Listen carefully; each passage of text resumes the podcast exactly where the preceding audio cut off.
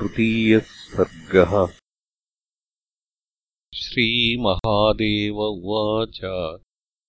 उद्बन्धनेन वा मोक्ष्ये शरीरम् राघवम् विना जीवितेन फलम् किम् स्यान्मम रक्षोऽधिमध्यतः। दीर्घावेणी ममात्यर्थमुद्बन्धाय भविष्यति। एवम् निश्चितबुद्धिम् ताम् मरणायाथ जानकीम्। विलोक्य हनुमान् किञ्चिद्विचार्यैतदभाषत। शनैः सूक्ष्मरूपो जानक्याः श्रोत्रगम् वचः। इक्ष्वाकुवंशसम्भूतो राजा दशरथो महान्। अयोध्याधिपतिः चत्वारो लोकविश्रुताः पुत्रा देवसमाः सर्वे लक्षणैरुपलक्षिताः रामश्च लक्ष्मणश्चैव भरतश्चैव शत्रुहा। ज्येष्ठो रामः पितुर्वाक्याद्दण्डकारण्यमागतः लक्ष्मणेन सह भ्रात्रा सीतया भार्यया सह। उवास गौतमीतीरे पञ्चवट्याम् महामनाः। तत्र नीता महाभागा सीता जनकनन्दिनी रहिते रामचन्द्रेण रावणेन दुरात्मना। ततो रामोऽतिदुःखार्तो मार्गमाणोऽथ जानकीम्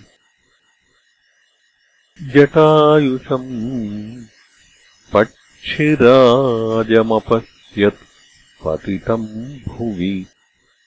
तस्मै दत्त्वा शीघ्रमृष्यमूकमुपागमत् सुग्रीवेण कृता मैत्री रामस्य विदितात्मनः। तद्भार्याहारिणम् हत्वा वालिनम् रघुनन्दनः। राज्येऽभिषिच्य सुग्रीवम् मित्रकार्यम् चकारः सः सुग्रीवस्तु समानाय्य वानरान् वानरप्रभुः। प्रेषयामास परितो वानरान् परिमार्गणे। सीतायास्तत्र चैकोऽहम् सुग्रीवसचिवो हरिः। सम्पातिवचनाच्छीघ्रमुल्लङ्घ्य शतयोजनम्। समुद्रम् नगरीम् लङ्काम् विचिन्वन् जानकीम् शुभाम्। शनैरशोकवनिकाम् विचिन्वन् शिंशुपातरुम् अद्राक्षम् जानकीमत्र शोचन्तीम् दुःखसम्प्लुताम्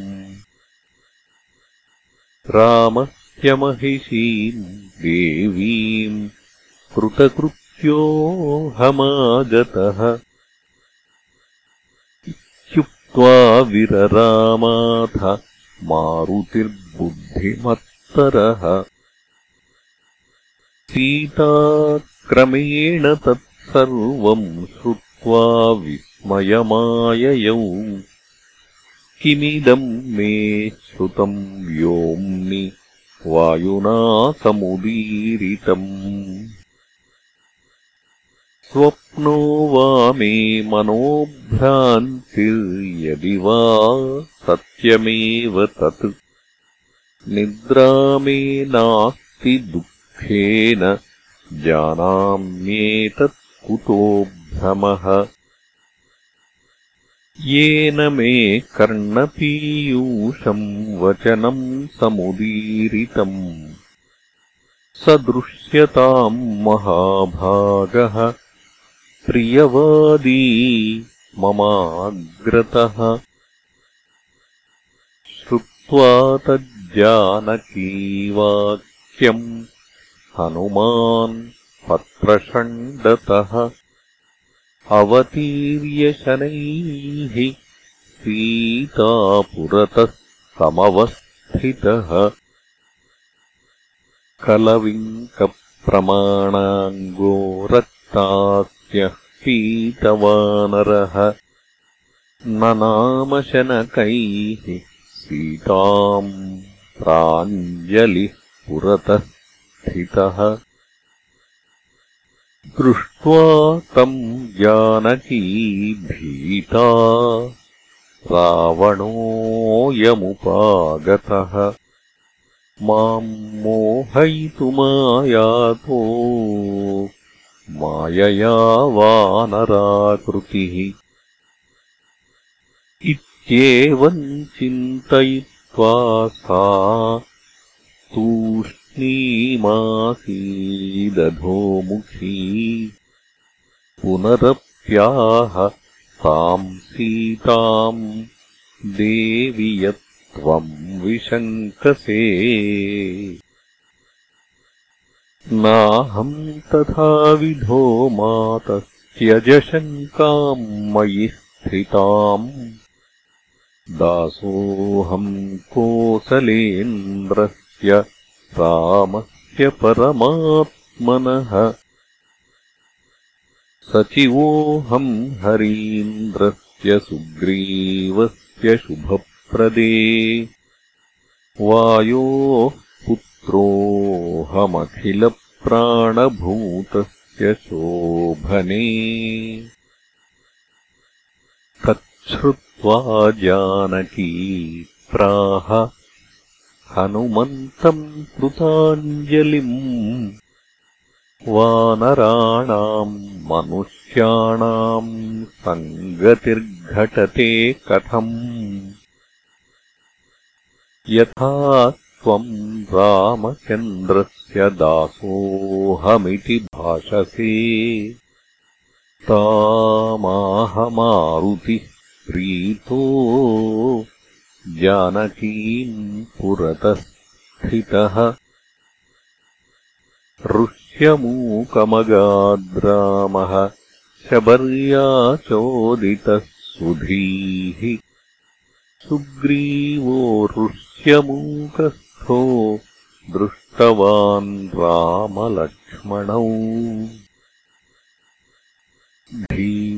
माम् प्रेषयामास ज्ञातुम् रामस्य हृद्गतम्। ब्रह्मचारिवपुर्धृत्वा गतोऽहम् रामसन्निधिम्। ज्ञात्वा रामस्य सद्भावम् स्कन्धोपरि निधाय तौ नीत्वा सुग्रीवसामीप्यम् सख्यम् चाकरवम् तयोः। सुग्रीवस्य हृता भार्या वालिना तम् रघूत्तमः। जघानैकेन बाणेन ततो राज्येभ्यषेचयतु सुग्रीवम् वानराणाम् स प्रेषयामास वानरान्। दिग्भ्यो महाबलान् वीरान् भवत्याः परिमार्गणे गच्छन्तम् राघवो दृष्ट्वा मामभाषतसादरम्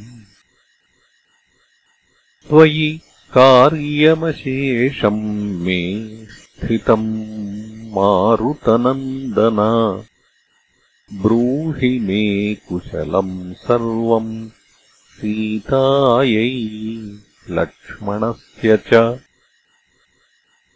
अङ्गुलीयकमेतन्मे परिज्ञानार्थमुत्तमम् सीतायै दीयताम् साधु मन्नामाक्षरमुद्रितम् इत्युक्त्वा प्रददौ मह्यम् कराग्रादङ्गुलीयकम् प्रयत्नेन मया नीतम् देवि पश्याङ्गुलीयकम्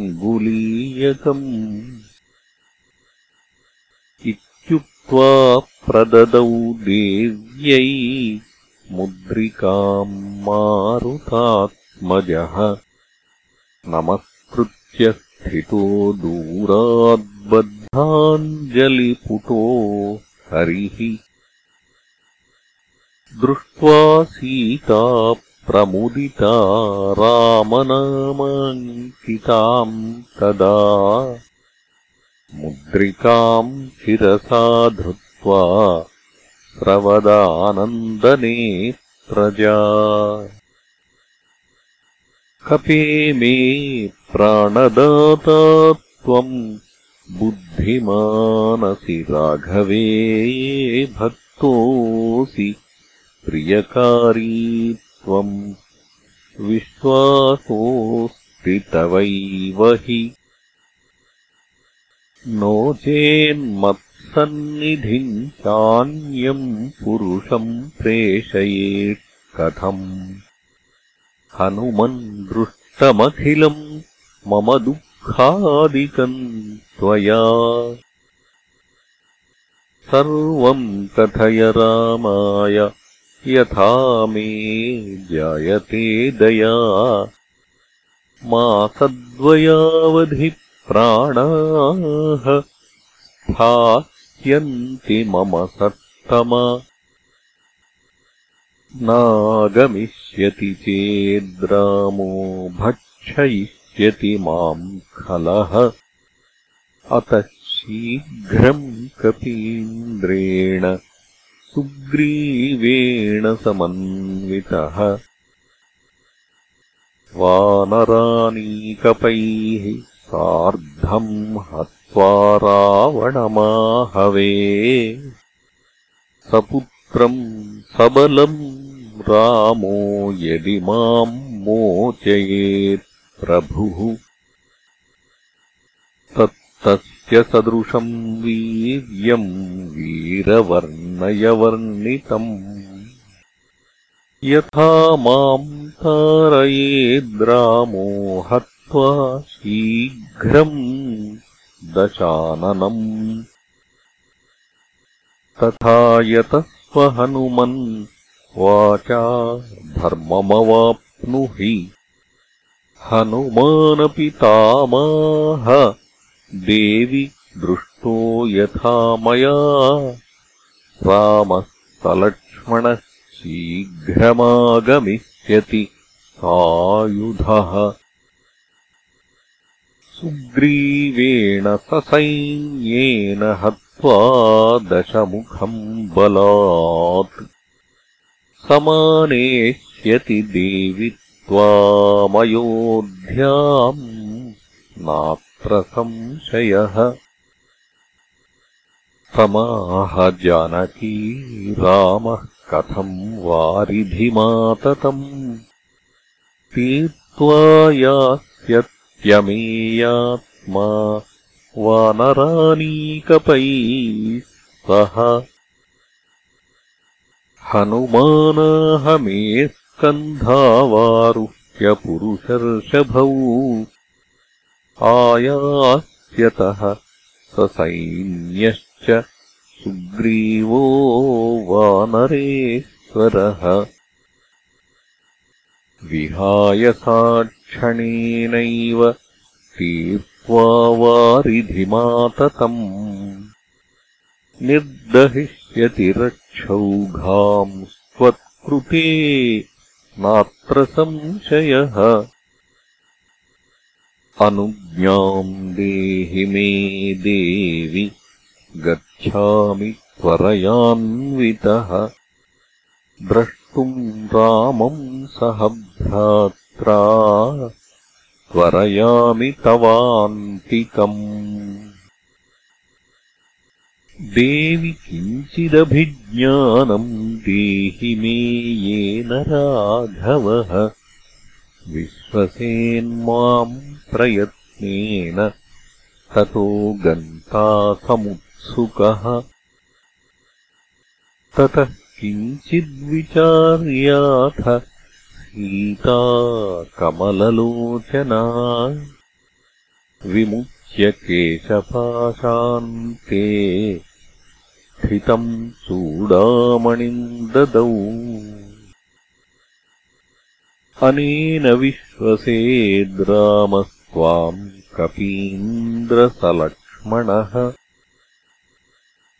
अभिज्ञानार्थमन्यच्च वदामि तव सूरत चित्रकूटगिरौ पूर्वमेकदा रहसि स्थितः मदङ्के शिर आधाय निद्रातिरघुनन्दनः। ऐन्द्रः काकस्तदागत्य नखैस्तुण्डेन चासकृत्। मत्पादाङ्गुष्ठमारक्तम् विददारामिशासया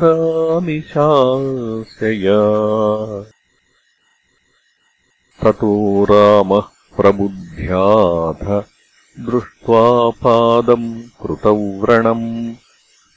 केन भद्रे कृतम् चैतद्विप्रियम् मे दुरात्मना। इत्युक्त्वा पुरतोपश्यद्वायसम् माम् पुनः पुनः अभिद्रवन्तम् रक्ताख्यनखतुण्डम् सुकोपः तृणमेकमुपादाय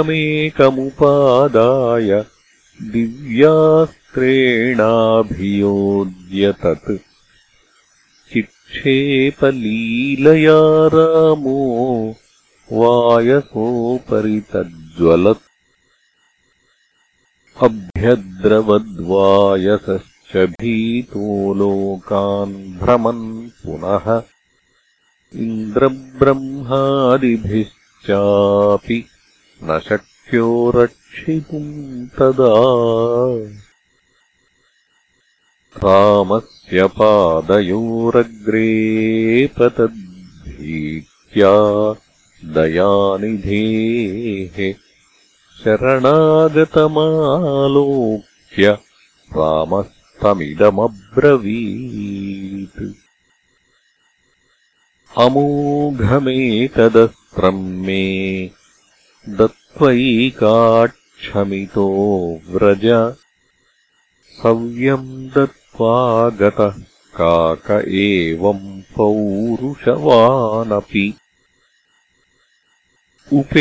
उपेक्षते किमर्थम् मामिदानीम् सोऽपि राघवः। हनुमानपि तामाह श्रुत्वा सीतानुभाषितम् देवि त्वाम् यदि जानाति स्थितामत्र रघूत्तमः। करिष्यति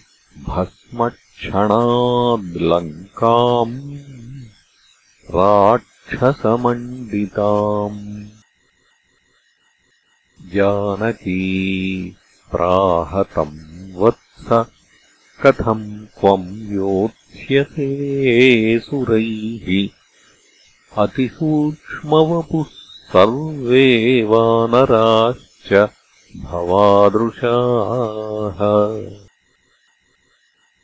श्रुत्वा तद्वचनम् देव्यै पूर्वरूपमदर्शयत्। मेरुमन्दरसङ्काशम् रक्षो गणविभीषणम् दृष्ट्वा सीता हनूमन्तम् महापर्वतसन्निभम् हर्षेण महताविष्टा प्राहतम् कपिकुञ्जरम्। समर्थोऽसि महासत्त्व द्रक्ष्यन्ति त्वाम् महाबलम्। राक्षस्यस्ते शुभः पन्था गच्छ रामान्तिकम् द्रुतम्।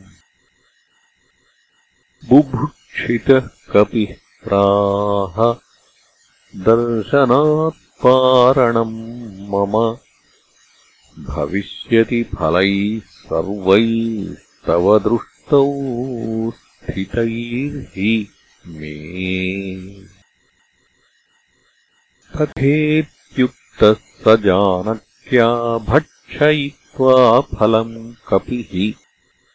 ततः प्रस्थापितो गच्छज्जानकीम्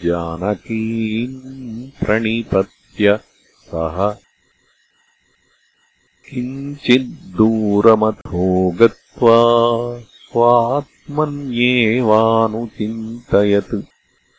कार्यार्थमागतो दूतः स्वामिकार्याविरोधतः।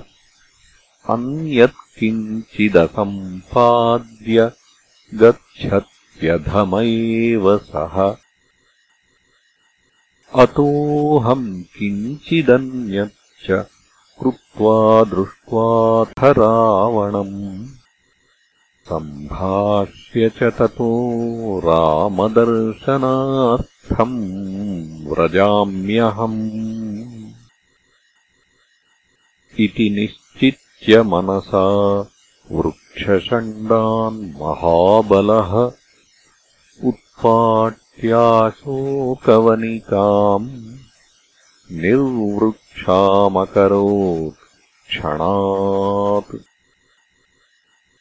सीताश्रयनगम् त्यक्त्वा वनम् शून्यम् चकारसः उत्पाटयन्तम् विपिनम् दृष्ट्वा राक्षसयोषितः अपृच्छन् जानकीम् कोऽसौ वानराकृतिरुद्भटः। जानत्युवाच भवत्य एव जानन्ति मायाम् राक्षसनिर्मिताम्। नाहमेनम् विजानामि दुःखशोकसमाकुला इत्युक्ताः त्वरितम् गत्वा राक्षस्यो भयपीडिताः। हनूमता कृतम् सर्वम् रावणाय न्यवेदयन् देव कश्चिन्महासत्त्वो वानराकृतिदेहभृत्।